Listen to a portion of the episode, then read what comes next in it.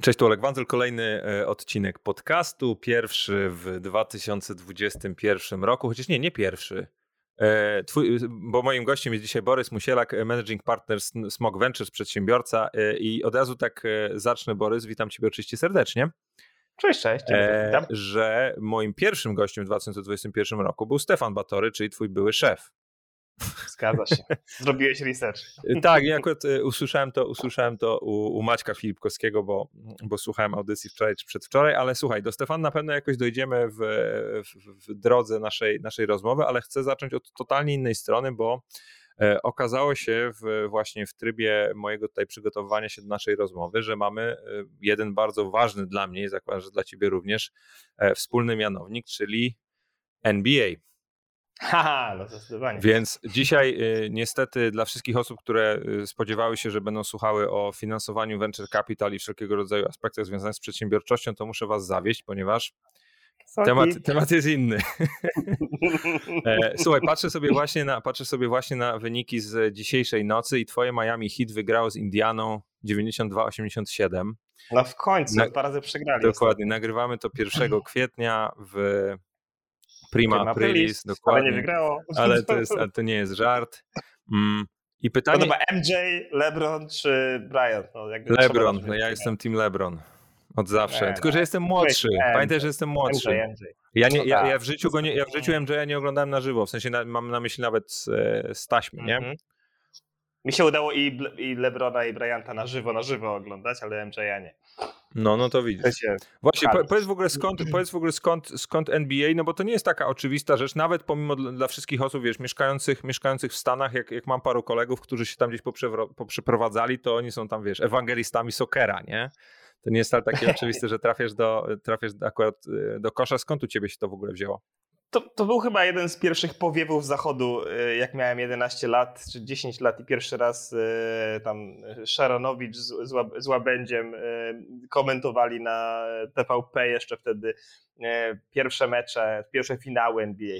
W 89 chyba nawet, albo w 90 roku to było Portland Detroit, a potem właśnie era Chicago. I jakoś to był taki pierwsza, jakby taka pierwsza niesamowicie kolorowa, fajna rzecz, nie było tego, wiesz, wszystko, wszystko w NBA wygląda inaczej niż nawet w tej piłce nożnej, nie? Wszystko jest takie dynamiczniejsze. Jakoś po prostu to mnie przemówiło do mnie i od razu no, jakoś to w to wszedłem, a, a że byłem sportem ogólnie zainteresowany wtedy bardzo mocno, trafił w ogóle się wszystko przeszło poza właśnie koszykówką, to jakoś to mi gdzieś tam zostało na, na dłużej, no a sam zacząłem grać, więc, więc jakby wszystko jakby to wszystko się złożyło w całość. I, aczkolwiek jak byłem w Stanach w, liceum, to niestety nie załapałem się do drużyny koszykarskiej, grałem w piłkę nożną. Soccer. No więc widzisz, ko ko koło zatoczone. A powiedz, dlaczego, dlaczego Miami? No bo to też taki nieoczywisty, nieoczywisty wybór. No chyba, że, że, że jesteś kibicem sezonowym od 2010 roku, czy 2006, w zależności od tego, które, który zespół preferujesz.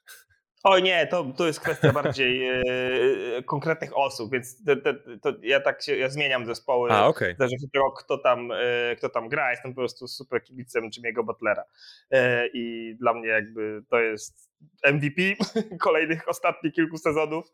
E, nikt się z tym nie zgadza, trudno, nie mam z tym problemu. E, wydaje mi się, że to jest naj, naj, najlepszy w tym momencie zawodnik, e, naj, najbardziej jakby zmieniający też drużynę. I, i, i to strasznie, po prostu strasznie lubię jego podejście do, do, do życia i do, do grania i tak dalej.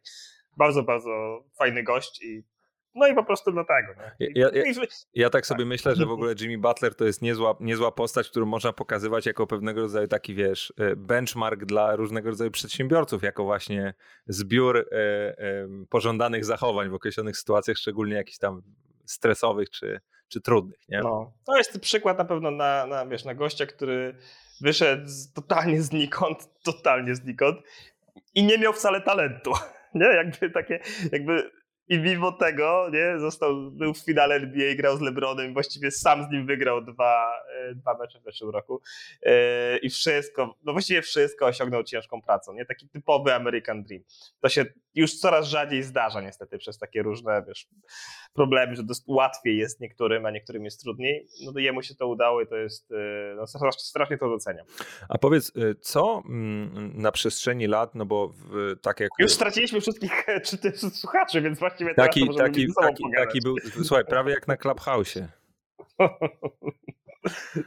Ale ten, ale wracając, ja się, ja się wiesz, zastanawiam, bo mm, jak po pierwsze, wcale nie jest aż tak wielu y, zaangażowanych fanów NBA w Polsce, nie? To, wiesz, się śmieję oczywiście, zawsze jest to kilkanaście czy kilkadziesiąt osób, pewnie y, jakichś tam lajków jest więcej, y, ale jeszcze jest mniej osób, które faktycznie widziało mecze na żywo i zastanawiam się, jak, no, bo, bo, bo wielokrotnie gdzieś tam wspominałeś o tym, że na kilku tych meczach byłeś, nawet, nawet, nawet teraz, jak już, jak już zaczęliśmy gadać i zastanawiam się, jak wiesz, byłeś w tej hali, poczułeś tą całą atmosferę, to, to czy jest coś, co zobaczyłeś, co nie jest wcale takie oczywiste, co mm, jest kompletnie no, inne, inspirujące, w jakimś stopniu napawające cię jakąś tam inną energią w stosunku do, do innych wydarzeń sportowych, które, które obserwujesz, albo w ogóle innych, innych wydarzeń różnego rodzaju, no bo trzeba powiedzieć, że jest to kategoria pewnego rodzaju eventu, nie? To, co mnie w sumie najbardziej zadziwiło w ogóle w, w, w, w tych amerykańskich sportach, y, to w porównaniu z polskimi sportami, bo też chodziłem dużo na żużel, chodziłem na polską e, koszykówkę, to taki właściwie prawie, że brak hejtu. Ludzie nie przychodzą, to jest jakby ludzie, którzy przychodzą oglądać to widowisko, w dużej części przychodzą oglądać widowisko. I, I, to jest widowiskiem, nie? Jakby to nie, jakby ta gra w koszykówkę, czy, czy, czy byłem też na hokeju, to jest troszkę gdzieś tam istotne, ale nie dla wszystkich to jest, nie wszyscy są kibicami koszykówki, nie? ale przychodzą tam, bo to, bo to jest taki, trochę na jakąś rewie się przychodzi, nie? albo się raz na jakiś czas idzie do opery, żeby zobaczyć jak to jest. To tam sporo ludzi przychodzi tak, żeby zobaczyć jak to w ogóle, to jest, to jest całe wyreżyserowane takie spektakl. I gra w koszykówkę jest jedną z e, części tego spektaklu. Tego nie do końca widać, jak się ogląda później skrót w, w telewizji, no bo widać tylko właściwie tą grę, nie? ale tam między grą się bardzo, bardzo dużo dzieje e, i to jest sobie ciekawe. Nie? I widać, że ludzie, całe rodziny przychodzą. Nie, to jest zupełnie inny typ niż taki, wiesz, e, taka typowa legia, nie? Przychodzi, wiesz, i, jednak, jednak jest taki, jest dużo więcej tego takiego zawzięcia tych kibiców, nie? Takiego wręcz nienawiści czasem do, do, do drużyny przeciwnej. Zdarzają się, to nie jest tak, że tam nie ma zupełnie, są tacy, właśnie LeBron jest jeden z takich zawodników, który jest taki love and hate e, i, i, i czasem tam pokrzykują jakieś rzeczy, ale e, e, właściwie nie przeklinają. to jest niesamowite. Jakby nie słyszałem specjalnie y, y, przekleństw na tych meczach, nie? Jest jakiś taki savoir vivre, który gdzieś tam się wy, wy, wy, wypracował i to jest na pewno zupełnie inne, nie? Nie czułem tego zupełnie na, na, na polskich meczach, y, czy tych żużlowych, czy właśnie koszykarskich, czy piłkarskich. To jest jakiś inny level. Jezus Maria, jesteś kolejną osobą, która będzie mi musiała przekonać, dlaczego w żużlu są mecze, ale to już jest osoba. no jestem z Torunia. Jesteś Torunia, nie oczywiście, ale tak, w tak. sensie nie już tam już ktoś, ktoś kiedyś kolega, jeżeli dobrze pamiętam, z Gorzowa mi, mi też tłumaczył właśnie. Tak, tak, tak. Są dwie, są, dwie, są dwie drużyny, to są mecze. Ja mówię, nie wiem, dla mnie to jest wyścig, ale tutaj pewnie kuryści żużla mnie zaraz zaczną tutaj dopadać, natomiast, y, natomiast pozdrawiam wszystkich kibiców żużla w Polsce oczywiście wielki szacunek e, do dyscypliny, bo to, to nie ma co, nie ma co gadać. Słuchaj, po, po, tym e, sportowym wstępie musiałem sobie na to pozwolić, ponieważ e, tak jak mówię, nie jest to, nie jest to częste, ale wierzę, że jednak utrzyma, uda, uda nam się utrzymać. Jeszcze trzy osoby. Do, dokładnie, dokładnie, z czego wiesz, nasz tutaj realizator dźwięku, więc, więc jest, wiesz, jest, jest publika. Żony, dzieci. Słuchaj, tak. zastanawia się, zastanawia mnie Borys jedna rzecz, ponieważ mm, Choć jest to y, coraz popularniejsza ścieżka, gdzie y, no, founderzy, przedsiębiorcy y, stają się no, zarządzającymi w funduszach inwestycyjnych, czy, czy, czy funduszach venture, czy zostają aniołami biznesu, to zastanawiam się, mm, jak, w jaki sposób można zmienić swoje podejście, swój mindset właśnie z bycia founderem, czyli osobą, która tak naprawdę wszystko robi i, i jest taka bardzo nastawiona na działanie, na osobę, która jednak w jakimś stopniu jest recenzentem, y, doradcą, mm, może jakimś tam sposób pomóc otworzyć drzwi, ale raczej musi no, szukać szerszej perspektywy na to wszystko, a nie, a nie, nie patrzeć tylko na, na ten jeden konkretny biznes. Zastanawiam się, czy, czy udało Ci się ten przeskok wykonać i jeżeli tak, to, to w jaki sposób, jak się z tym wszystkim jakoś odnajdujesz teraz? Myślę, że wie, wie, więcej przedsiębiorców jednak zostaje aniołami biznesu i to jest bardziej yy, naturalne, yy, bo anioł no, się tym charakteryzuje, że wchodzi troszkę w mniej zwykle projektów, ale głębiej i często też stara się operacyjnie pomóc, czyli rzeczy, które przedsiębiorcy czują, że to jest ich yy, chleb powszedni. Mm, w moim przypadku to raczej było tak, że ja po prostu chyba wybrałem złą ścieżkę wcześniej. E, I, I, ja cały czas gdzieś dążyłem do tego i czułem, że jakby tym moim powołaniem to jest jednak właśnie mm, jednak venture capital. E, I, I, długo gdzieś tam szukałem różnych rzeczy i fajnie było prowadzić firmę, fajnie było zarządzać dużą firmą. E, to były wszystkie rzeczy, które gdzieś tam jest część jakichś tam rzeczy, które mi się strasznie podobały, jak to robiłem ale teraz dopiero czuję, że jakby, że faktycznie jakby spełniam się, nie? Że, że to jest dokładnie to, co chciałem robić. Czy to raczej jest odkrycie, jakby takie dojście do tego, w czym naprawdę jestem dobry, w czym się naprawdę dobrze czuję i, i bo to jest kwestia, jest zupełnie, zupełnie inna, inny rodzaj pracy. Jakby nie masz na nic wpływu tutaj troszkę, nie? Jakby y, jest tak i, i trzeba być z tym ok, że trzeba, trzeba być ok z takim to nawet nie jest delegowanie, no bo to, to nie jest tak, że to są moje firmy, które inwestuję, tak? To są, tak naprawdę chodzi głównie o to, żeby po prostu wśliznąć się i, i, i, i dostać się do tych firm. To jest, to jest dużo sprzedaży, nie? To jest taka, to jest właściwie bardzo dużo sprzedaży, bo, bo powiedziałeś, że to jest tam doradztwo. Mm, nawet nie. Najmniej tego jest, moim zdaniem. W sensie, co ja tam mogę doradzić? No, jakby, no, a, a, ja jeszcze coś mogę, bo przynajmniej robiłem te, te, te firmy tam z lepszym, gorszym skutkiem. Ja większość VC niespecjalnie coś doradzi przedsiębiorcom. Nie? Może coś doradzić, jeśli chodzi o takie specyficzne rzeczy związane z venture capital, czyli e, zbieranie finansowania, jakieś tam wyceny rund, mm, potencjalnie w jaki sposób to gdzieś tam formalnie zgrać, ale no nie doradzi, jak prowadzić firmę czy, a nawet jeżeli było przedsiębiorcą, to zwykle było jakiś czas temu i zupełnie inny świat, zupełnie inny biznes. E, nie, nie, nie, nie zakładałbym, że ci VC pomoże w tym, e, w tym, w tej, w tym aspekcie. E, więc dla mnie ta robota VC to jest przede wszystkim taka, taki hustling, brzydko mówiąc, sprzedażowy. Ja muszę po prostu. Ktoś w ogóle bardzo fajnie ostatnio napisał, jeden z amerykańskich VC, powiedział coś takiego, na Twitterze był taki, taki wpis, trochę żartobliwy, ale powiedział, że on, on nie chce słyszeć, że przedsiębiorca jest podekscytowany na współpracę z nim. Nie chce pracować z takim przedsiębiorcą. Nie? Bo to znaczy, że przedsiębiorca uważa, że to był jakiś super sukces, że uzyskał kasę od, od niego. A to on ma być podekscytowany na pracę z przedsiębiorcą, czyli jemu się udało przekonać tego gościa albo tę, dziewczynę do tego, żeby, żeby to jego pieniądze wzięli, nie? I żeby jego wprowadzili do tego, e, do tego cap table e, startupu. To on ma być podekscytowany. Wtedy czuje, że to jest dobry deal dla niego, nie? Że to jemu się udało przekonać tych przedsiębiorców, żeby oni. Jest trochę inna perspektywa i też ja czuję dokładnie to samo, nie? To jest niezbyt intuicyjne, ale, ale, ale tak, to, tak to wygląda. E, ważne jest to, co mówisz, bo ja wciąż mam takie poczucie, że, że w Polsce jak jakikolwiek startup mm, pozyska rundę, to y, zaczyna się z tego robić, wiesz, y, taki e, no, może nie powiem, że festyn, no ale jednak jakiegoś rodzaju wydarzenie właśnie tutaj komunikujesz, to opowiadasz, chodzisz, a, mm, a mam takie poczucie, że często founderzy czy, czy founderki nie zdają sobie sprawy, że to jest tak naprawdę początek drogi, nie? Wiadomo, że to jest jakaś walidacja, przynajmniej taka, że wiesz, jeden, jeden koleś uznał, że to ma sens i, i wrzucił ci pieniądze. No, który, e, jak, sam, ale jak sam powiedziałeś, koleś, który tego bardzo chciał i tak naprawdę robi wszystko, żeby to zrobić, nie? Więc też nigdy nie wiesz, kto jest po drugiej stronie i jak długo szukał tej, tej okazji, nie? Zgadza się. Te, te, te, takie e, ogłoszenia o rundach to mam wrażenie, że są bardziej dla venture capital niż dla startupów. Mówiąc szczerze, bo to, to nie jest coś, co specjalnie pomaga startupowi w. to też inny tweet, już, już niestety słabo, słabo z cytowaniem jestem, ale w ogóle polecam Twittera, bo to jest świetne miejsce. Nie wiem czemu tak mało e, przedsiębiorców w ogóle polskich i w ogóle wschodnioeuropejskich jest na Twitterze, bo to jest najlepszy tak, sposób jest... na połączenie się z całym światem. Mo, moje ulubione, moje ulubione tak. medium. Akurat do, do um, użytkowników Twittera dotrzemy, bo, bo jest to platforma, z której mam najwięcej ruchu na swoim podcaście, więc, więc dobry, dobry crowd. Tak jak utraciliśmy go, to być może go odzyskujemy powoli. Uf.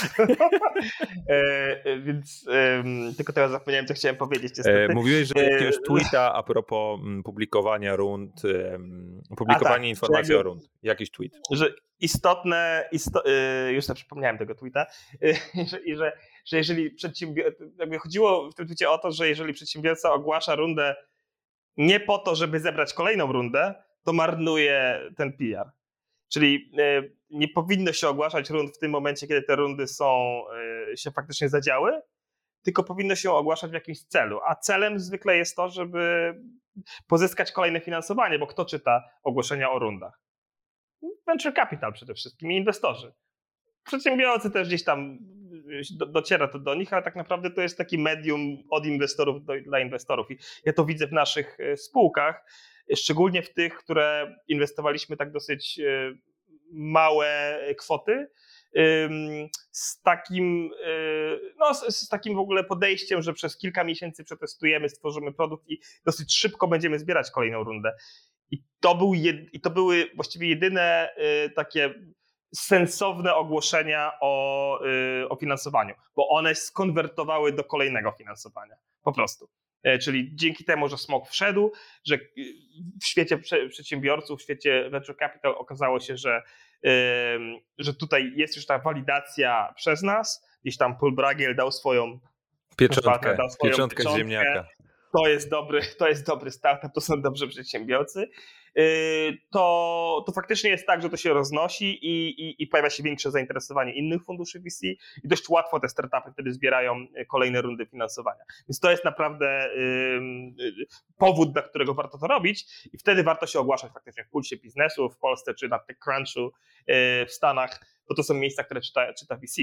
To nie jest zupełnie, y, no chyba, że jesteś brandem 24 i twoimi klientami są przedsiębiorcy, startupowcy, no okej, okay, to wtedy te media też mają sens dla ciebie, ale dla wszystkich innych no, klientów nie znajdziesz e, w, w tych miejscach, nie? w pulsie biznesu i, i, i w TechCrunchu. Klientów znajdziesz w swoich branżowych mediach i tam trzeba zupełnie co innego ogłaszać.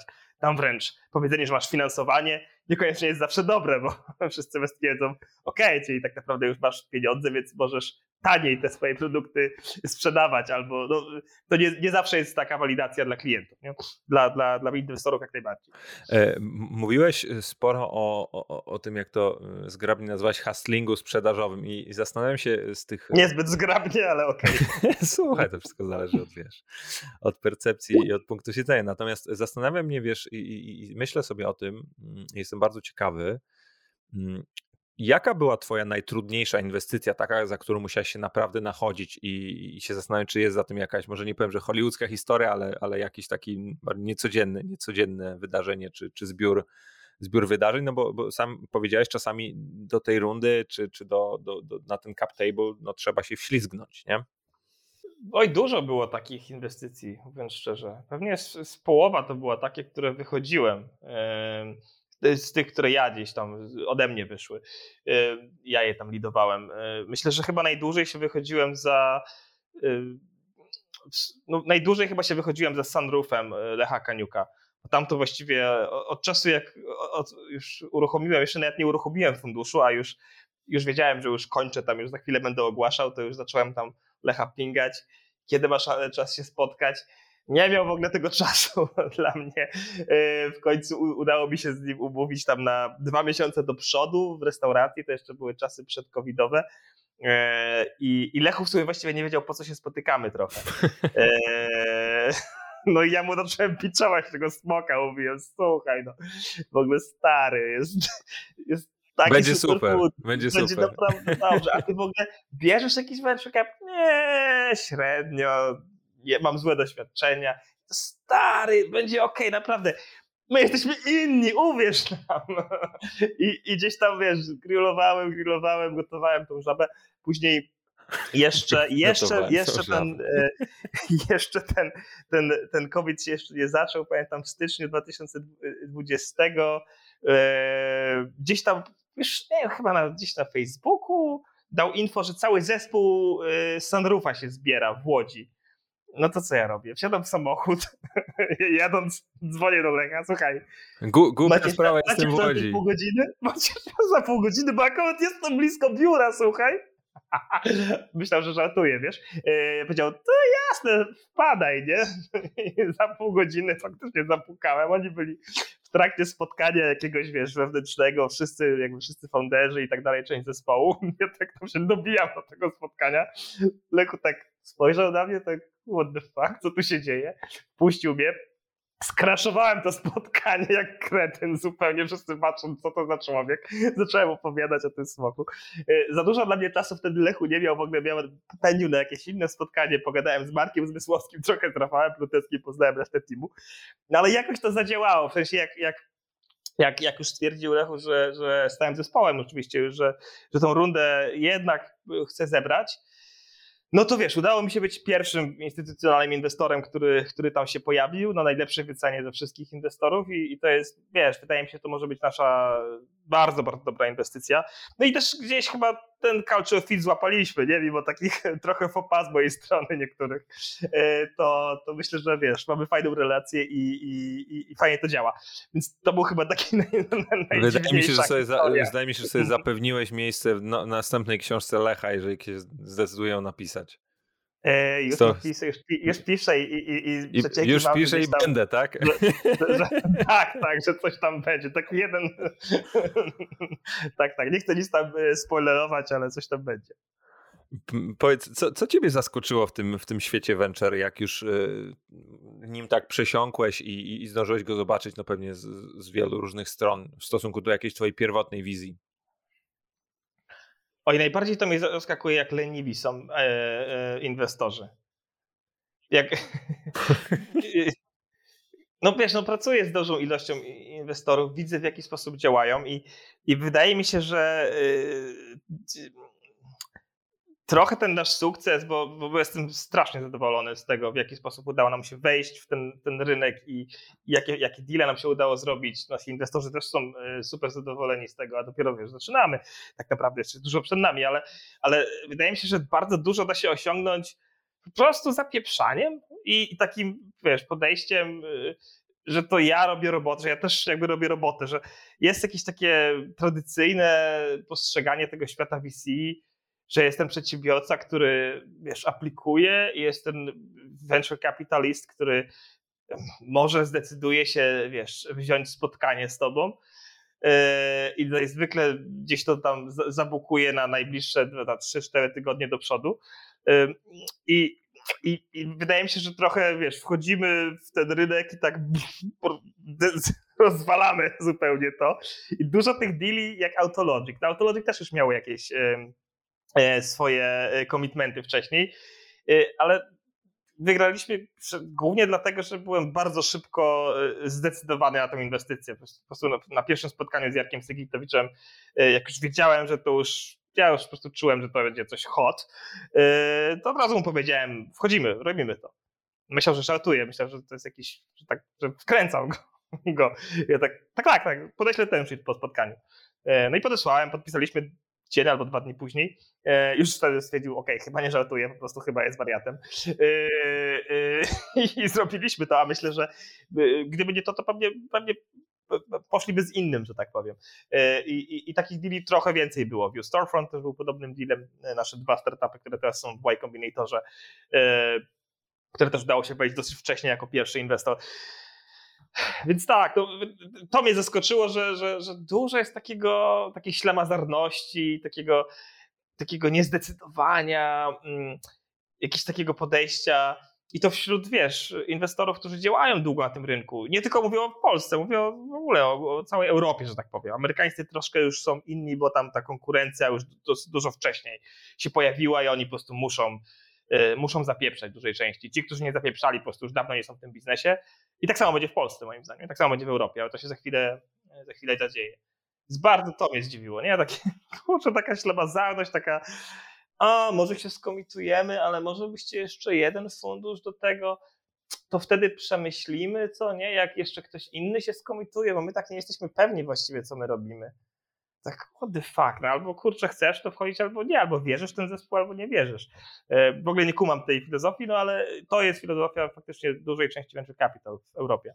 Ja się, ja się zastanawiam, y, z czego właśnie to wynika w, w Polsce. Czy, czy wynika to z braku doświadczenia, czy wynika z tego, że wiele osób, które teraz są w, w VC, to przeniosły się, jeżeli można tak powiedzieć, z bardziej y, pewnych aktywów, typu tam private equity, czy, czy jakiegoś rodzaju inne banki inwestycyjne, fundusze tego typu, i tam jednak ten proces y, i Mm, i podejmowanie decyzji jest na kompletnie innym poziomie, a, a tu jednak e, i, wiele, i mam poczucie też, że wiele z tych osób nie jest w ogóle gotowych e, często na to, co, co przyniesie przyszłość, nie? Albo co może przynieść. Nie wiem, jakie ty masz doświadczenia w ogóle.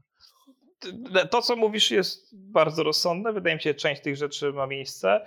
Y, jeszcze druga rzecz, która mi przychodzi do głowy, to, to są inwestorzy w funduszach venture capital, yy, czyli ludzie, którzy o, o, o, wkładają pieniądze. O LPs-ach. Tak, LPs, Limited Partnership, ci, którzy faktycznie finansują fundusze, fundusze venture capital.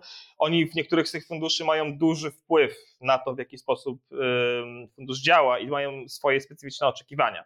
Bardzo zależy od tego też pewnie, jakich masz inwestorów, y, no to jak działasz. W naszym przypadku naszymi inwestorami są właściwie przedsiębiorcy, bardzo wielu moich znajomych lub znajomych moich znajomych lub znajomych Pola Bragiela, ludzi, którzy nam ufają po prostu. Y, I to znacznie pomaga. Nie? Jak czuję, że jest to zaufanie, że że ok, działamy trochę niekonwencjonalnie jak na polski rynek, faktycznie dużo szybciej, jesteśmy w stanie dużo szybciej się skomitować.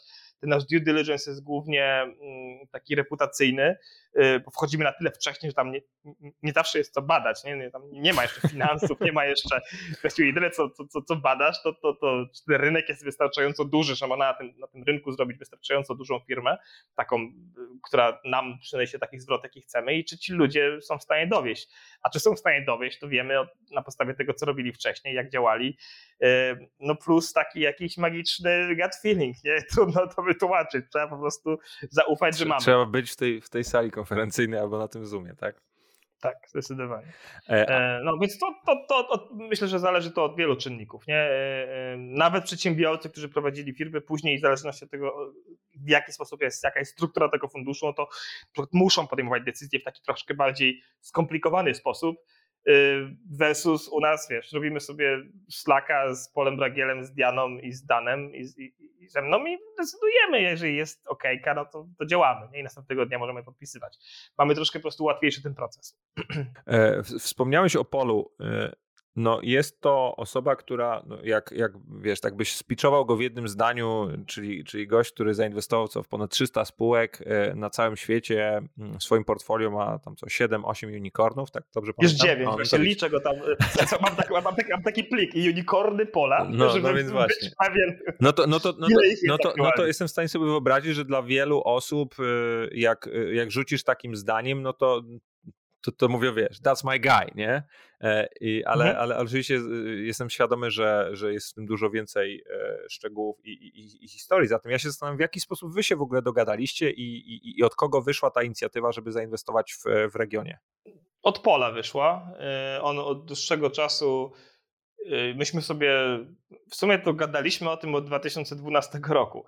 Ja wtedy jeszcze robiłem swoją firmę Filmaster on potem, on mi, spotykaliśmy się jakieś, on, on, mi pomagał e, tak, nie jakoś bardzo intensywnie, bo wiesz, on jest zalatanym gościem i wtedy też był zalatanym gościem, ale co jakiś czas gdzieś tam od niego coś dostałem, jakiś taki push w dobrym kierunku. No najlepszym pushem był ten push, który spowodował, że połączyliśmy moją firmę z firmą jego e, dobrego przyjaciela w Stanach, Ashwina.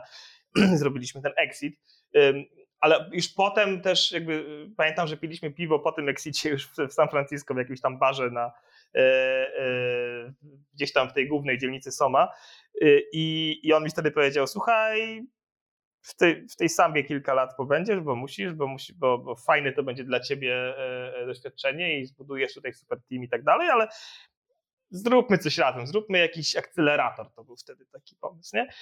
Więc ja w sumie to gdzieś tam wziąłem sobie do, do serca. Ja i tak ten akcelerator zrobiłem w tym samym czasie, czyli reaktor X, bez pola jeszcze. E, bo ja trochę myślałem, że on sobie żartuje cały czas. Taki kurczę, taki gość, nie? Ze mną coś będzie robił, szansa jest mała. Bez przesady. Tak sobie gada, nie? Po prostu lubi sobie pogadać i, i lubi tam tą Polskę, chce, chce nas wspierać, super. Nawet jak już powiedział mi to zróbmy fundusz w 2017 roku, to ja też myślałem, że on żartuje. I, I, ja zacząłem robić fundusz sam, bo chciałem to w końcu zrobić z tego, z tego ten akcelerator mi się zaczął podobać.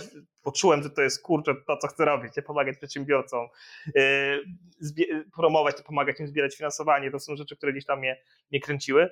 I dopiero po jakimś czasie ja, ja tak, wiesz, spytałem go, słuchaj Pol, ty serio to mówisz? Jeżeli on mówi, tak, no, no kurczę, no, on już się wkurzył, nie? Tak, to co, chcesz to robić czy nie? Ja tak nie no, pewnie, że chcę, no, kurde, no, no, robimy! I jak już tak, wiesz, ja, gdzieś tam mi uderzyło, że ten koleś mówi poważnie, nie? On chce ze mną robić fundusz, wow wow, yy, to, to, to wtedy to szybko poszło. Nie? Tam w tydzień złożyliśmy papiery, pojechaliśmy, zaczęliśmy pitchować do inwestorów, yy, przekonaliśmy Polski Fundusz Rozwoju jako taki pierwszy anchor investor, jak to się mówi, taki gruby gość, który mówi tutaj będzie sporo kasy, zbierzcie teraz dużo prywatnego finansowania i, i, i, i, i, i zrobimy to razem. No to to szybko później, jak to już wiesz, poszło bardzo, może nie jakoś tam super sprawnie, bo, bo też się wiesz, uczyłem, nie wiedziałem jak to się, jak to, z czym to się je, jak się w ogóle zbiera taki fundusz inwestycyjny i tak dalej. Myślałem, że po prostu Pol dorzuci kilka baniek i to tyle, nie? Się okazało, że to jest trochę bardziej skomplikowane. Ale no tak, tak to, tak to, tak to, tak to wyszło. Co... On musiał mnie trochę przekonywać, jak się okazało, co było absurdalne.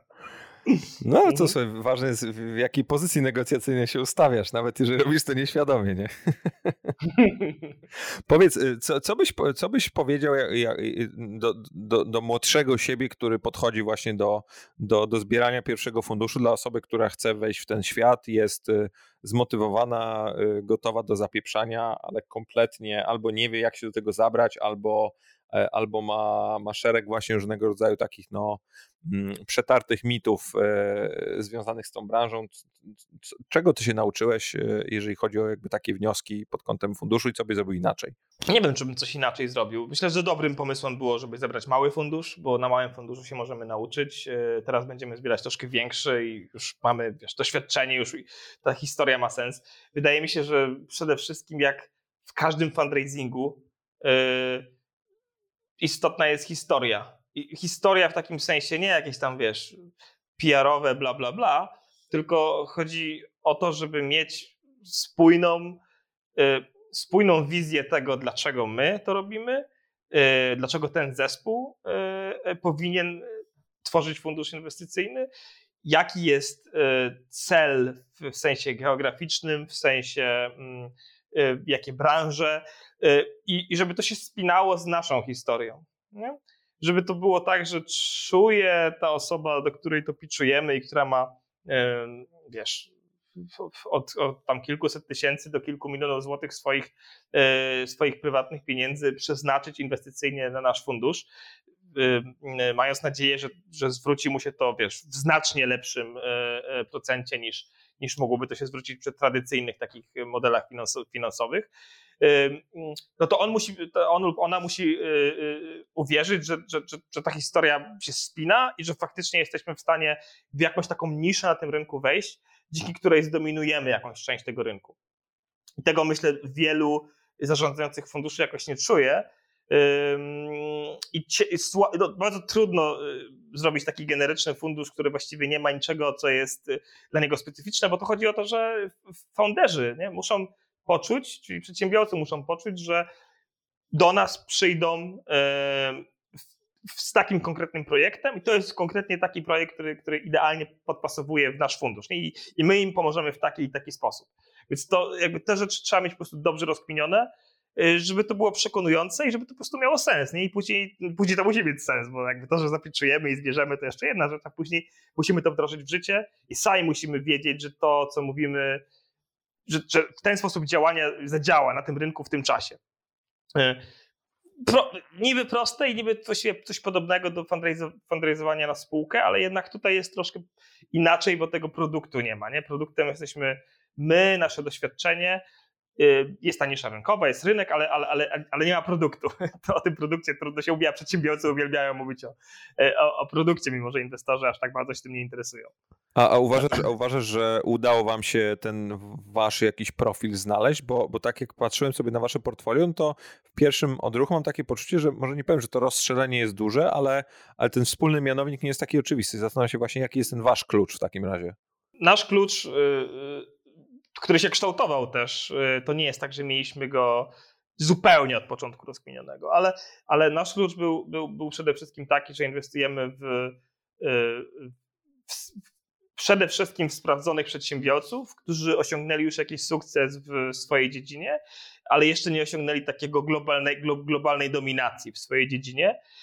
Jest, a, a my jesteśmy w stanie im pomóc ro, zacząć rosnąć bardzo szybko, czyli zebrać tą pierwszą rundę y, tutaj w kraju, y, w kraju, no załóżmy, jesteśmy, częściowo polskim funduszem, tak, polsko-amerykańskim, więc zebrać od nas tą pierwszą rundę i bardzo szybko zacząć wychodzić na, y, na wszystkie strony świata, czy to do Azji, czy to do Stanów i my jesteśmy w stanie tym pomóc, mocno przyspieszając ten cały kolejny fundraising. Oczywiście musisz mieć taką, taki model psychiczny swój, że chcesz robić duży globalny biznes, a nie zdobywać na przykład miasto po mieście polskie, jakby po, e, jakieś tam yy, polski rynek, bo to jest mało ciekawe dla nas, mało w tym pomożemy. Czyli to muszą być globalni przedsiębiorcy myślący globalnie, którzy naj, zwykle, jak się okazuje, no wszyscy, właściwie większość tych naszych y, startupów, które zainwestowaliśmy do tej pory, no to były robione przez dosyć doświadczone osoby w tej dziedzinie i z nimi się jakoś najfajniej, najfajniej dogadujemy. Y, no i, i musi do nich przemawiać ta część związana z tym naszym networkiem, bo jeżeli nie będą w stanie tego networku wykorzystać, to trochę marnują, marnujemy tutaj potencjał. Nie? Możemy wejść w kogoś, kto skorzysta mocno z tego networku i chcemy dać, dawać pieniądze tym, którzy my czujemy, że jesteśmy w stanie naprawdę pomóc. Nie?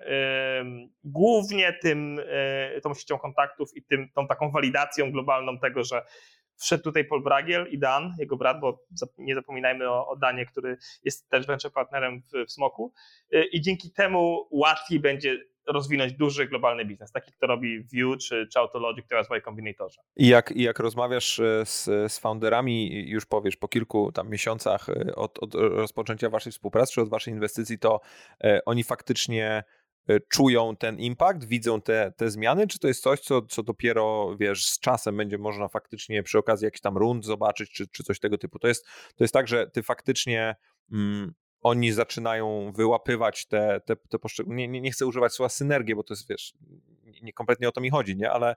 Mm, nie bójmy się korporacji, no, no, synergia jest pięknym słowem. Jak to powiedziałeś, jesteście trzyosobową korporacją, tak?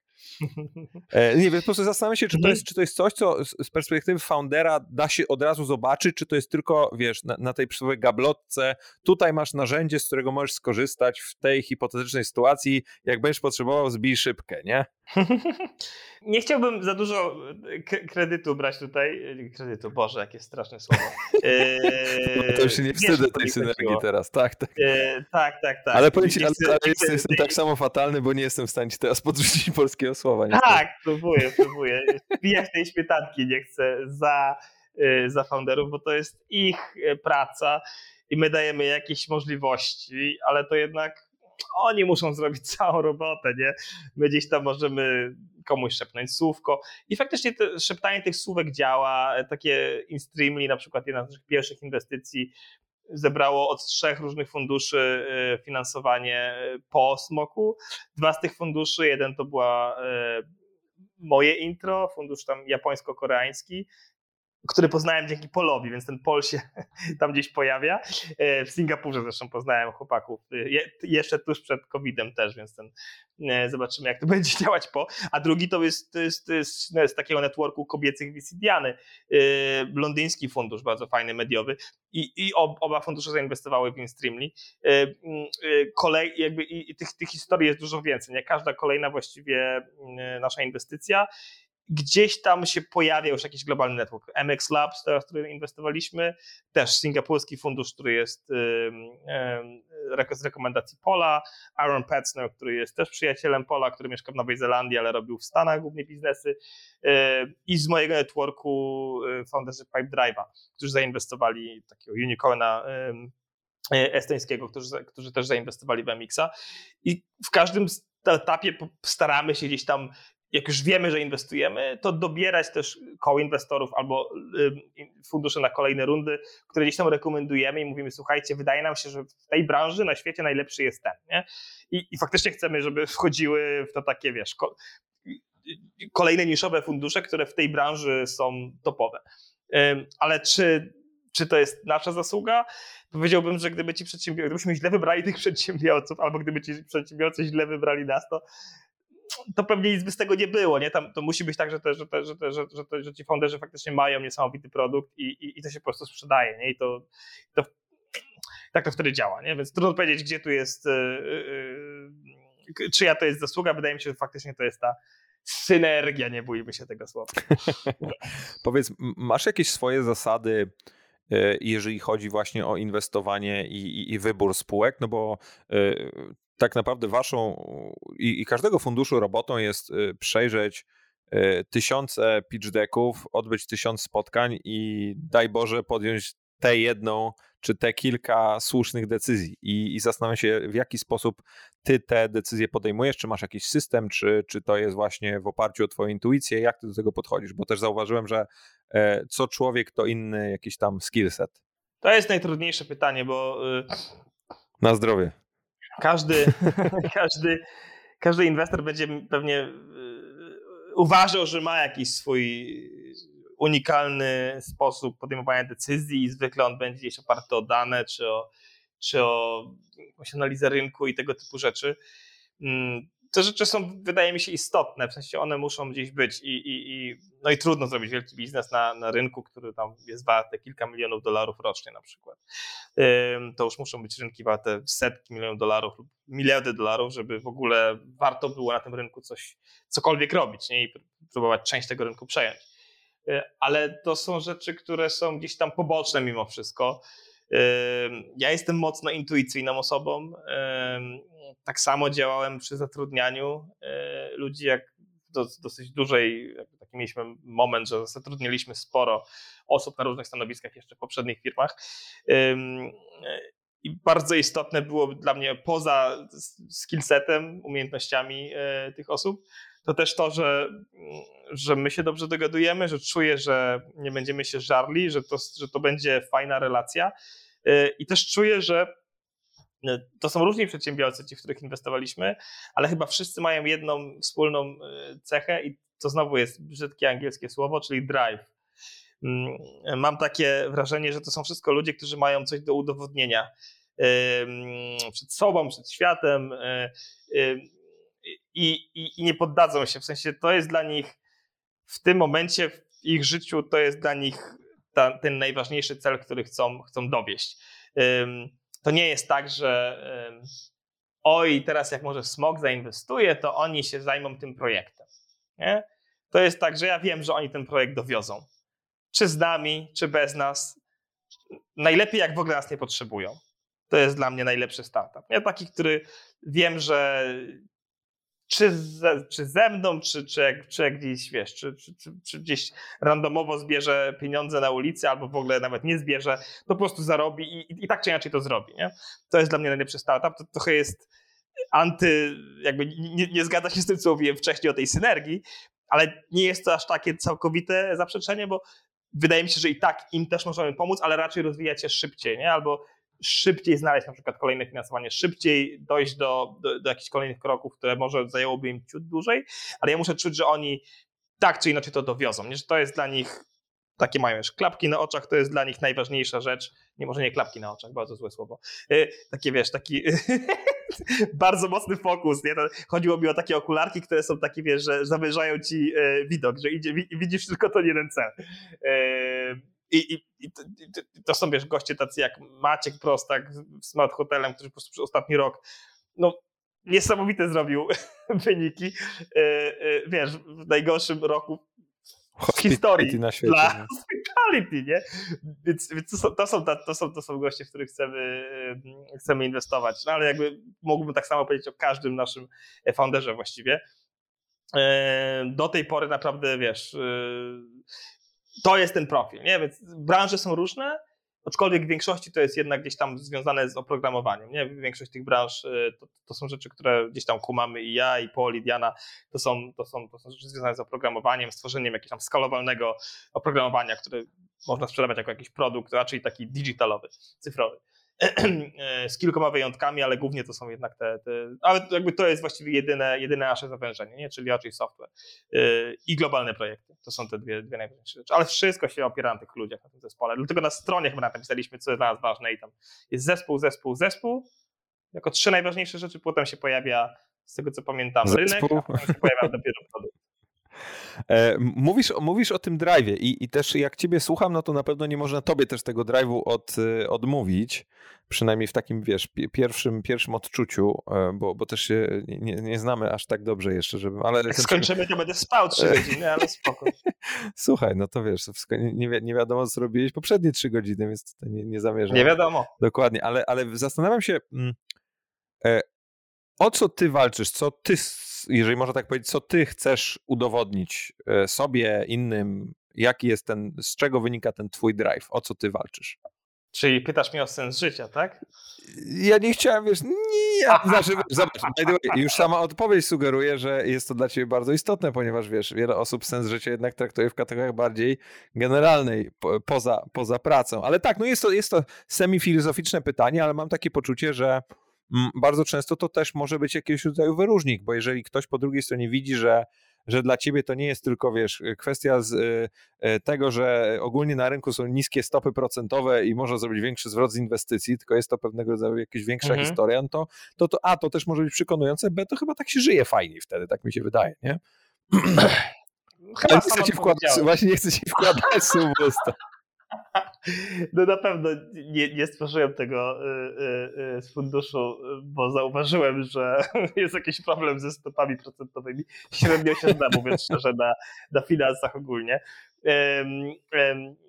Zrobiłem to, że, bo, bo, bo czuję, że to jest coś, co będę robił, czy będę dobry, ja chcę robić rzeczy, które cały czas, wszystkie inne rzeczy, które robiłem do tej pory, czułem, że byłem w tym ok i ja też umiem sprawiać wrażenie, że się na czymś znam i wydaje mi się, że jako programista, który byłem przeciętnym i teraz jak pewnie wszyscy programiści, którzy ze mną pracowali się podśmiechują trochę. Ja byłem takim, wiesz, programistą, żeby coś szybko zrobić, żeby to jakoś tam działało i działamy dalej. Twitter, nie, nie, nie, nie. programistą. Tak, nie, nie, niespecjalnie się lubiłem, wiesz, zagłębiać w, piękność, w piękno kodu. To nie było dla mnie super istotne. Chciałem, żeby coś tam zadziałało i działamy dalej. Nawet tak trochę działa, to jest ok. I w sumie i, i, i tak samo jako przedsiębiorca czułem, że to już było bliższe temu, co chcę robić, bo, bo strasznie, wiesz, czuję, jak mam ten ownership, znowu kolejne wspaniałe angielskie słowo, to to dla mnie było ważne, bo jakby niespecjalnie lubię gdzieś tam mieć nad sobą nad sobą szefów. Yy, I czuję, że po prostu gdzieś spełniam się wtedy, kiedy wiesz, wstaję rano i, i mogę, mam, mam, dużo możliwości i mogę zrobić cokolwiek. Ja, ja, ja ten wybór, ja, ja, ten wybór, ja tego wyboru dokonuję, a nie ktoś za mnie. To i teraz nie wiem, dlaczego, a i, i dlaczego, dlaczego VC. po prostu, wiesz, to chyba było jednak tak, że, że, że, czułem, że jestem w stanie to po prostu robić, być w tym, być w tym dobre, jednocześnie dobrze się bawić, i, a jednocześnie przy okazji troszkę, nie, fajne wyniki naszym inwestorom e, e, e, zwrócić, ale to, to wynika z tych poprzednich rzeczy i na pewno nie jest moim drive'em, wiesz, robienie kasy. Zupełnie inne rzeczy bym robił w życiu, gdyby to było dla mnie jakieś tam kluczowe. Tą kasa gdzieś tam się czasem pojawia, czasem jest jej więcej, czasem mniej, wiesz, czasem ja tam tą kasę przynoszę do domu, czasem moja żona przynosi tą kasę do domu, jakoś tam to sobie jest, jest wystarczająco ok, ale to w ogóle nie był dziś, nie, na pewno dla mnie jakiś nigdy super ważny, ważny temat. Wspomniałeś, e, wspomniałeś o żonie i nie, nie, nie zamierzam w tym kierunku iść, ale zastanawiam się, wiesz, jak, mm, jak wracasz e, po, po, po całym dniu, chociaż no te, teraz to nie wychodzisz e, Specjalnie do salonu. Tak, tak, tak. Przepraszam za mojego psa, ale tutaj szaleje, więc chwilę, Pozdrawiam. chwilę, po, chwilę poszaleję. Ale zastanawiam się, mm, co, co wyniosłeś z domu, jeżeli chodzi o, o, właśnie cechy, które w jakimś stopniu ciebie teraz predysponują? Jak sobie spojrzysz na swoje, czy, nie wiem, czy wychowanie przez swoich rodziców, czy, czy, czy dzieciństwo, czy właśnie relacje prywatne, to, to, to jak, widzisz jakieś takie cechy e, z perspektywy czasu, które dzisiaj ci właśnie e, pomogły być w tym miejscu, w którym jesteś? Kontynuuj serię filozoficznych tak. pytań? Jest, jasne. Mi chyba zawsze, mi zawsze imponował mój dziadek przede wszystkim. E, rodzice, rodzice też, ale, ale z rodziców tylko tata jest przedsiębiorcą i też został nim dosyć późno w swoim życiu. No to wynikało też z czasów komunistycznych, w których sporą część swojej kariery e, robili. A, a, a mój dziadek zaczął tuż po wojnie, nie? Znaczy pierwszą i, zaczął, i był, był przedsiębiorcą w komunizmie, nie? co było właściwie jakimś totalnym hardcorem. E, on tam przez kilka pierwszych lat pracował jako krawiec w jakiejś takiej dużej korporacji, wiesz, jakiej korporacji, jakiejś spółdzielni krawców, czy jak to się nazywało. E, w PRL-u i, w pewnym momencie stwierdził, że fuck it, jakby nie, nie jestem w stanie mieć szefa i, i stwierdził, e, to będzie, jakby ja będę miał swoją prywatną, będę prywaciarzem, jak to się wtedy mówiło. E, I przez 50 lat prowadził prywatną, swój prywatny zakład. I ja pamiętam, że chodziłem tam, to było w Nakle nad Notecią, tam, Bydgoszczy, przy Bydgoszczy, między Bydgoszczą a Piłą, w takim miasteczku i, i ja po prostu byłem tak zafascynowany tym, że wchodziłem do tego jego zakładu, tam wiesz, burdel straszny, wszędzie materiały, walały się. Ale jak już miałem, miałem jeszcze 7, 8, 9 lat i mi to strasznie imponowało, ja czułem, że po prostu chcę jak dziadek, nie? Chcę mieć swoje miejsce, żeby mi się nikt nie wpieprzał, że przychodzą, wiesz, moi klienci, ale to ja ich ogarniam. Strasznie mi to imponowało. Chciałem mieć taki swój zakładzik. Nie? Jeszcze długo miałem taki pomysł, że ja sobie taki, wiesz, zakładzik będę miał i będę takim one man army, coś tam będę robił, jakiś tam, będę przecież, nie wiedziałem co chcę robić, ale wiedziałem, że chcę być takim przedsiębiorcą, który po prostu zarządza swoim. Więc to mi gdzieś tam, to, to się działo mi głęboko w, w, głowie. Nie, nie wiem, czy nawet z dziadkiem o tym jakoś specjalnie rozmawiałem, ale to po prostu, wiesz, całe jego życie to było... Przez osmozę, nie? No, jak, jak widzisz to wszystko na to. No, napisałem jakiś czas temu też takiego blog posta o, o moim dziadku, jego historii tam na Medium, więc możecie sobie Podlinkujemy. Zerknąć. E, Life and Death of an Entrepreneur, tak to się nazywa. E, bardzo, bardzo to, to mnie gdzieś tam wpłynęło na mnie i na pewno później to, że mój tata też e, mm, już może nie, nie od początku, ale tam mając chyba tam około 40 założył swoją, swoją firmę i później wiedziałem w jaki sposób też działa z tą firmą, jak się tam jakie ma problemy, jakie, ma, e, jakie są plusy, jakie są minusy, no to też mi gdzieś tam naprowadziło, że to jest ścieżka, którą warto, którą warto, którą warto mieć. Moja mama też jest, ma taki duch przedsiębiorcy, ale jest dyrektorką szkoły i jakby realizuje się w, w tej szkole i to jest coś, co, ale też wiem, że równie dobrze mogła pójść w zupełnie innym kierunku, nie w kierunku właśnie bycia przedsiębiorcą, bo ma te swoje cechy. Więc gdzieś to na pewno, gdzieś to na pewno się działo, nie? To taka jakaś e, chęć do, do, do, do niezależności, do jakiegoś zarządzania swoim życiem. Do tego, żeby też robić rzeczy, które czuję, że są fajne i żeby nie było tak, że wiesz, odbębniam te 8 godzin w pracy, a życie mam potem dla mnie, wiesz, super istotne jest, żeby to życie i praca, żeby obie te rzeczy były, były super fajne i żeby mnie, wiesz, żeby obie te rzeczy mnie, żeby to nie były dwie rzeczy równo, żeby to była po prostu jedna rzecz, która jest, która mnie, która mnie wiesz, codziennie gdzieś tam motywuje do tego, żeby działać dalej i działać lepiej. A, a jak ty sobie radzisz z tą drugą stroną medalu przedsiębiorczości? Nie chcę powiedzieć z samotnością, ale jednak z tym takim poczuciem, że to wszystko jest na Twoich barkach i choć są ewidentnie momenty, w których bardzo tego chcesz, do tego aspirujesz, no to jednak na, na koniec dnia jesteś z tymi wyzwaniami, problemami, różnego rodzaju rzeczami i, i zastanawiam się, jak, e, jak sobie radzisz w tych trudniejszych momentach, no, które, które są w życiu każdego przedsiębiorcy. Im, im, im później, tym, tym, tym lepiej ogólnie było.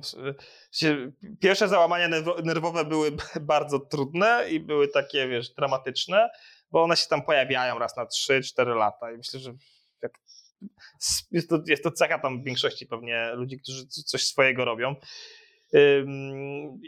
O dziwo da się do tego przyzwyczaić. Da się, da się jakoś, jakby gdzieś tam się może uodparnia, albo mój organizm się gdzieś tam na to uodparnia troszkę. Już wiem, czego się spodziewać. Wiem, że będą takie dołki, że są te górki i będą też dołki. Jestem jakoś tam przygotowany już trochę psychicznie lepiej chyba na te dołki. Te, te pierwsze były trudne, bo wydawało się, że mm, trochę jak próbujesz jeszcze, wiesz, udowodnić sobie i światu, yy, że, że się nadaje, że. A, a dużo wiesz, takich było jeszcze w tej. Polska jest takim też krajem, w którym czujesz ten, ten oddech gdzieś na wszystkich na, na, na twoich plecach i, i też czujesz, że tam ludzie, że część ludzi cię wspiera, ale też spora część gdzieś tam trzyma kciuki, żeby ci się nie udało, żeby można było powiedzieć, że od początku mówiłem, że ten musielak to jest po prostu wydmuszka, nic tam nie ma. I, I mnie to strasznie tak motywowało, ale w taki negatywny sposób, nie? Taki, taki yy, to, nie było zdrowe wydaje mi się, że tego się powoli coraz bardziej pozbywałem i coraz mniej wiesz, zwracałem uwagę na to, e, co tam inni mówią, myślą, albo co, co, co, co ja myślę, że oni myślą. E, dalej to gdzieś tam we mnie jest trochę, nie? Jestem dość, jak to powiedzieć, sensitive.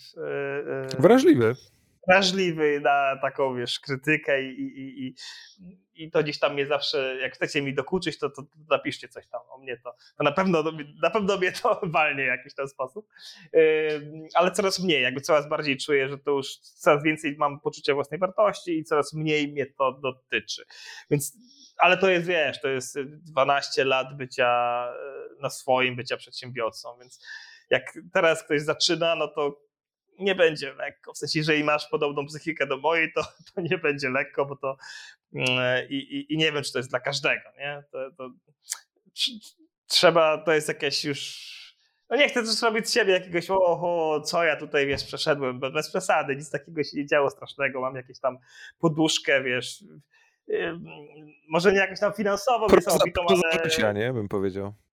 Tak, ale, ale też nie jest tak, że wiesz, teraz failuję i będę żył na ulicy, nie? To jakby nie mam jakichś strasznych, ale, ale to w sumie jest, to niby jest logicznie, można tak sobie to wytłumaczyć, ale, ale, ale gdzieś jak już jesteś w tym drive właśnie tworzenia, to, to, to, to, to, jesteś w jakimś takim innym świecie i wydaje ci się, że jest wszystko albo nic, nie? Albo, albo teraz osiągniesz sukces, albo y, udowodnisz wszystkim, bla, bla, bla, albo koniec, nie? Jesteś po prostu chodzącym, chodzącą porażką. Więc fajnie sobie jakoś, każdy sobie jakiś inaczej z tym pewnie radzi. Fajnie sobie z tym jakoś poradzić. No może warto po prostu być na ciągłej terapii, może warto mieć wielu przyjaciół, którzy, yy, z którymi się o tym rozmawia, każdy sobie jakoś na tym inaczej poradzi, ale to jest coś, co czym trzeba zarządzać. Nie? To, to zdrowie psychiczne, takie ogólne well-being przedsiębiorcy. No mam, mam wciąż poczucie, że pomimo tego, że jest to temat już jakiś, w mniejszym stopniu tabu niż, niż w ostatnich kilku latach, to wciąż się ma, mało o tym mówi. Nie wiem, jakie, jakie ty masz doświadczenia, znaczy, przynajmniej w Polsce, bo, bo jednak jak, jak widzę, czy w Stanach, czy, czy, czy w Europie Zachodniej, to jednak ten temat jest na tapecie. To jest wstydliwy nie? temat w Polsce, nie? Wstyd o tym mówić, nie? Co, masz, jesteś słaby psychicznie?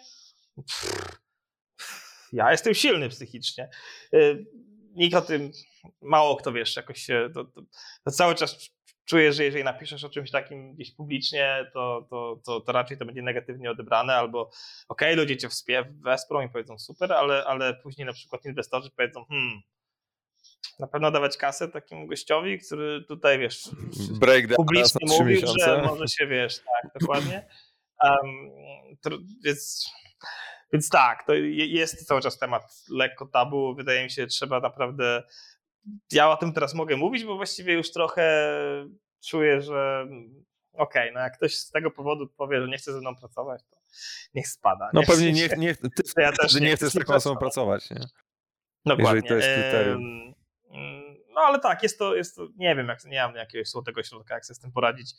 Y, wydaje mi się, że ambasador, ambasadorzy, którzy o tym mówią, czyli osoby, którym się gdzieś tam udało, nie? a jednocześnie mogą pokazać, że, że faktycznie też jakby mają takie problemy i że to są normalne problemy, że to nie jest jakiś problem z tobą, tylko po prostu tak działa psychika ludzi, że, y, że są że jak jest dużo presji, to, to, to się pojawia, pojawiają problemy psychiczne po prostu. I trzeba sobie z tym radzić. To jest tak samo jak wiesz, jak siedzisz i nie uprawiasz sportu, to nagle y, wiesz, bolą cię plecy, nie? Dokładnie to samo. Do czego ty, ty zmierzasz? Co jest, co, co jest jakimś takim twoim celem mm, albo, albo dla Smoka, czy, czy, czy ogólnie dla twojej działalności inwestycyjnej? Co, co ty byś chciał zbudować? E, może nie powiem, jaki jest twój, wiesz, endgame, no bo, bo, bo, bo to zakładam jest historia, która się pisze e, na bieżąco mhm. i, i, zmienia na co dzień. Natomiast jak, jak dzisiaj e, na stan 1 kwietnia, 1 kwietnia, przepraszam, 2021 roku Mm. Jakieś mało, mało, mało dowcipne jak na pierwszego.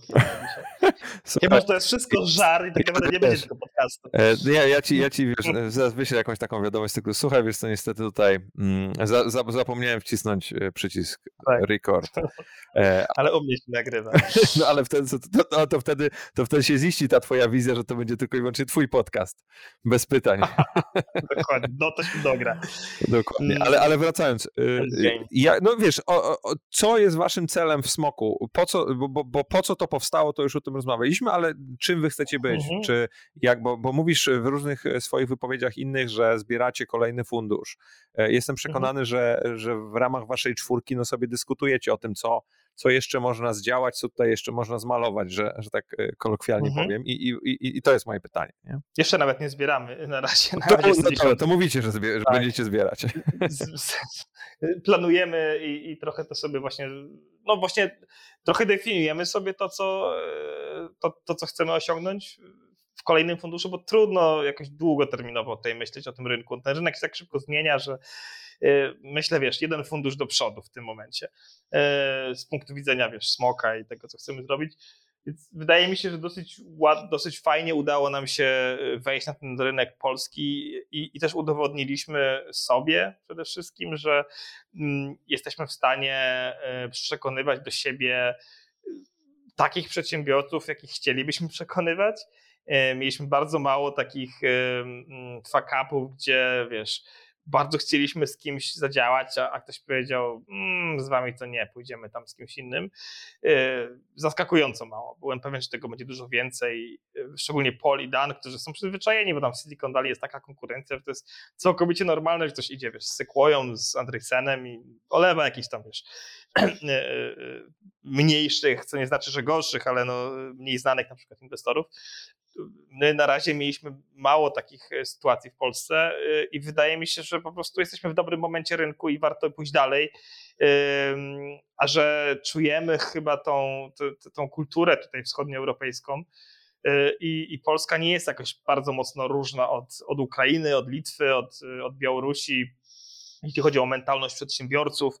Wydaje mi się, że jesteśmy w stanie e, zbudować coś takiego, może nie coś wielkiego, bo ja też nie mam takich ambicji, żeby robić kolejnego, właściwie kolejną Sequoia, nie jakiś fundusz wielomiliardowy. Nie, nie ekscytują mnie ogromne pieniądze, zarządzanie nimi i tak dalej. Raczej chcę zbudować coś, co będzie mm, z, z czym sobie poradzę, co ogarnę, co będzie w stanie wygenerować fajne zwroty dla naszych inwestorów, a jednocześnie co, co, co gdzieś wpasowuje się w tą niszę, która aktualnie jest na rynku. A zdecydowanie jest ogromna nisza na, na dobrych inwestorów wczesnego etapu, którzy bardzo mocno popchną ten, ten biznes do przodu w całej tej, tej, tej naszej wiesz, środkowej i wschodniej Europie.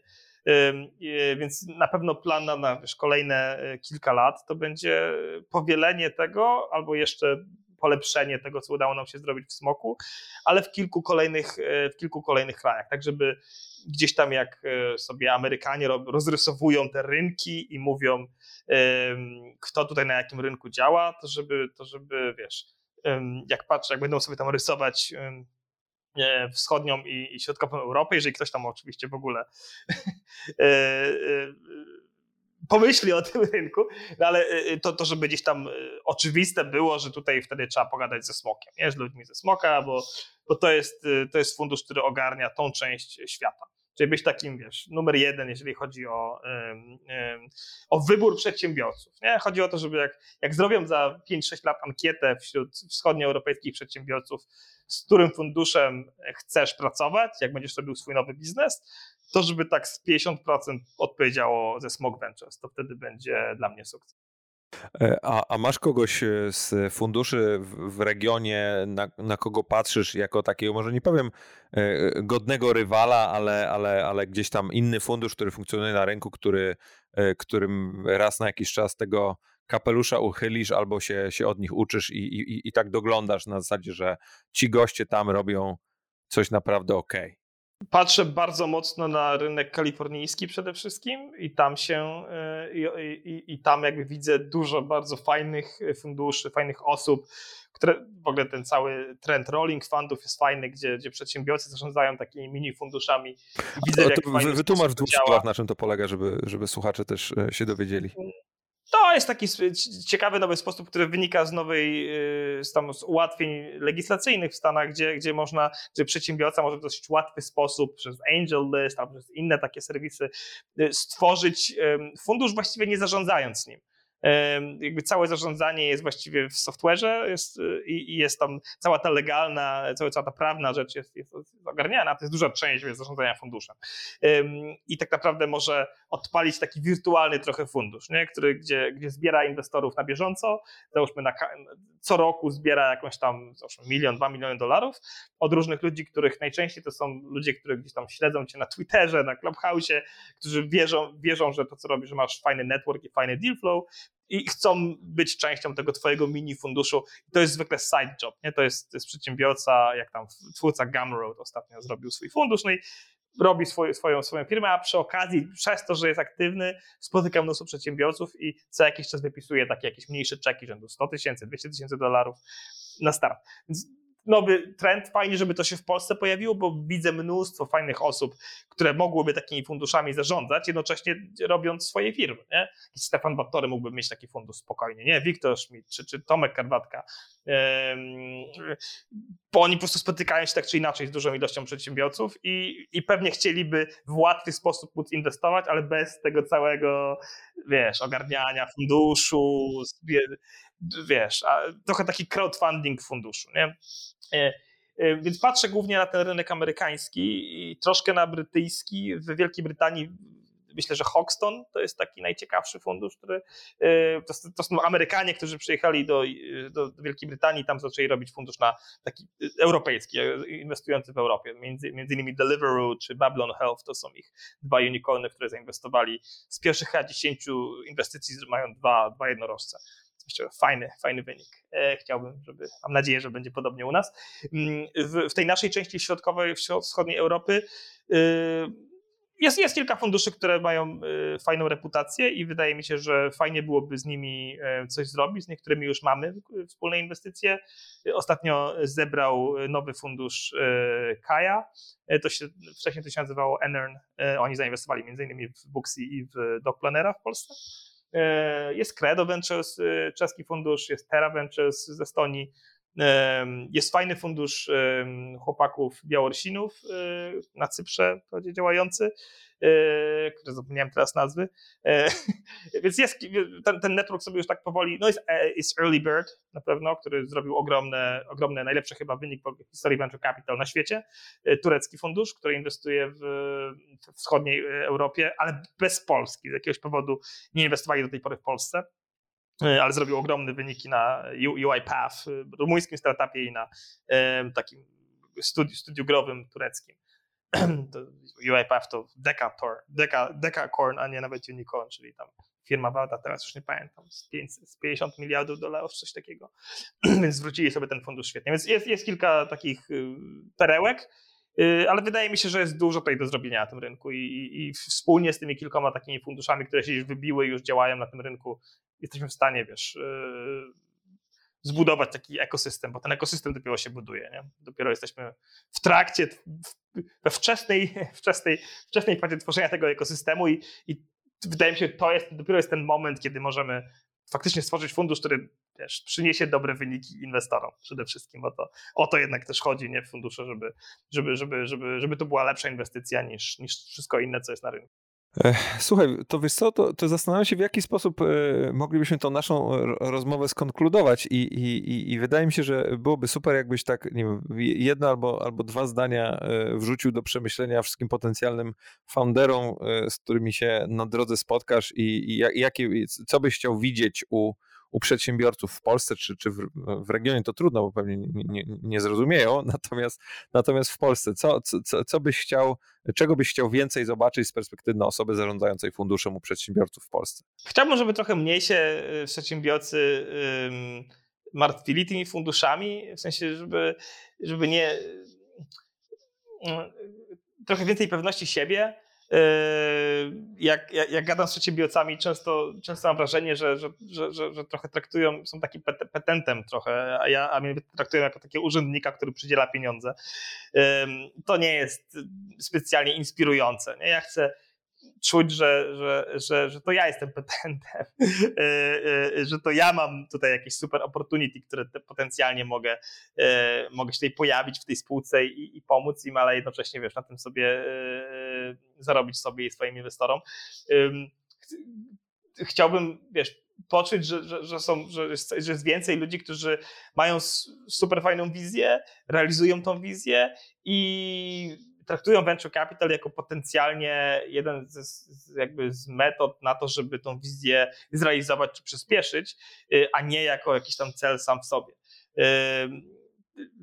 I, i też jakby chciałbym, żeby trochę skończył się taki kult też venture capital, bo jest mnóstwo firm, które przychodzą do nas, które ewidentnie nie, nie pasują do, do, do, modelu venture capital. W ogóle większość firm, tak 99% firm nie, nie pasuje do modelu venture capital. Słuchałem twój wywiad niedawno z Rafałem Agnieszczakiem. Super wywiad, bardzo fajny, fajna rozmowa i myślę, że sporo, wbrew pozorom, sporo przedsiębiorców jest jak Rafał. Nie? Sporo przedsiębiorców ma zupełnie inne cele e, niż takie cele, które stawiają przed sobą fundusze venture capital. E, czyli chcą po prostu budować coś, mówiąc po angielsku znowu sustainable.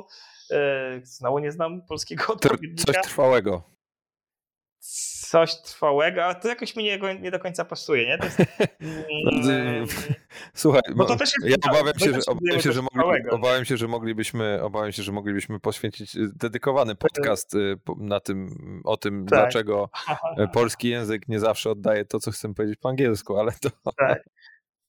No w każdym razie jeżeli chcesz być, wiesz, przez, przez, długi czas budować taką firmę rodzinną, nie? Taki typową firmę, którą, którą, którą tworzyli w latach 90., tacy pierwsi przedsiębiorcy, no to nie, ma trochę dla ciebie sensu VC, bo, bo zwykle nie, też nie dasz im takich zwrotów, jakie, jakie, jakie oni oczekują. I, no i VC jednak oczekuje, że sprzedasz tą firmę.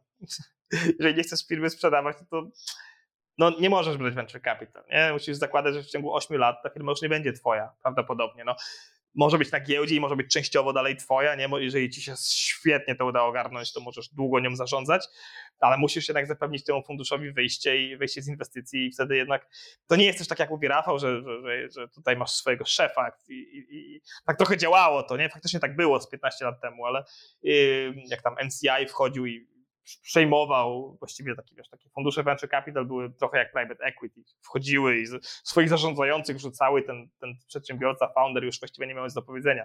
To tak już teraz w większości tych nowych funduszy nie działa. Jesteśmy bardziej partnerem i niespecjalnie mamy nawet przełożenie na ten biznes. Jeżeli przedsiębiorca chce mimo wszystko działać tak jak chce, to nic mu nie możemy zrobić, nie? Specjalnie. E, więc to nie jest tak, że jesteśmy szefem przedsiębiorcy, ale jest to jednak jakaś umowa dżentelmeńska chociażby, z której warto się wywiązać. Nie? Jeżeli już bierzemy venture capital, to po to, żeby budować bardzo szybko rosnącą firmę i raczej nie, żeby stworzyć coś, co będzie trwałe w takim sensie, że nie będzie ani niesamowitym sukcesem takim już globalnym, ani nie będzie. Tak, chcemy, żeby to było albo sukcesem, albo porażką. Nie chcemy, żeby to było coś pomiędzy. Tak? Nie, nie, nie chcemy, żebyś był letni. I, I, to jest jakby filozofia venture capital, tak po prostu ta ekonomika tego funduszu działa i musisz się z tym zgadzać, jeżeli chcesz brać e, pieniądze. I myślę, że większość e, przedsiębiorców nawet tak myśli, że że chce tego, to tak naprawdę nie chce. Nie? I warto posłuchać tego wewnętrznego głosu i, i, i, i tylko wtedy iść po te pieniądze, jeżeli faktycznie mm, czujesz, że to jest twoja droga. Nie? Że twoją drogą jest budowanie szybkiej, super skalowalnej yy, spółki, fundraizowania co 6-12 miesięcy, bo najlepsze startupy fundraizują, robią kolejną rundę i im lepszy startup, tym częściej robi rundę wbrew pozorom, nie? Bo, bo, tym, bo tym mniej bierze pieniędzy i tym szybciej się zmienia wycena tej spółki, więc, więc tym częściej warto robić rundę. E, nie warto brać dużo pieniędzy na start, bo wtedy ta wycena jest zwykle mała. E, więc no, to jest, jeżeli jesteś founderem, no to wtedy musisz się skupić głównie na tym, nie? Na, na wizji i na fundraisingu. A, a to nie brzmi jak coś, co większość founderów chce robić. Nie? Większość founderów chce budować fajny produkt, yy, wiesz, mieć wpływ na to, więc to są inne w ogóle zupełnie rodzaje firm, które, które buduje się z venture capital. To, to, nie wiem, czy to jest do końca odpowiedź na twoje pytanie. Chciałbym, żeby było więcej takich przedsiębiorców, którzy chcą zbudować duże yy, biznesy, które zdominują rynek globalnie, nie, na pewno, ale też nie ma sensu, fajnie byłoby, żeby wiedzieć, co jest dla ciebie, nie, a jest tyle sposobów pozyskiwania kapitału teraz, tyle rodzajów firm, że VC to jest, wiesz, jeden tylko z wielu, wielu, wielu metod. Borys, Ci dziękuję, że, że się zgodziłeś e, do mnie dzisiaj, e, dzisiejszego poranka dołączyć. Ja również dziękuję za zaproszenie. Bardzo, bardzo fajnie było pogadać. Również było fajnie. E, no i, i życzę Ci więcej takich przedsiębiorców. No. Dzięki, a ja sam tak, życzę im, żeby wiesz, żeby życzę sobie, żeby ci przedsiębiorcy nas, nas wybrali i chcieli z nami budować fajne firmy. To życzę Ci miłego dnia i wszystkim słuchającym również, niezależnie od tego, w, którym, w której części dnia będziecie tego, tego słuchać do, do usłyszenia e, w, przy okazji najbliższych innych odcinków. E, a Tobie, Borys, e, powodzenia. Dzięki.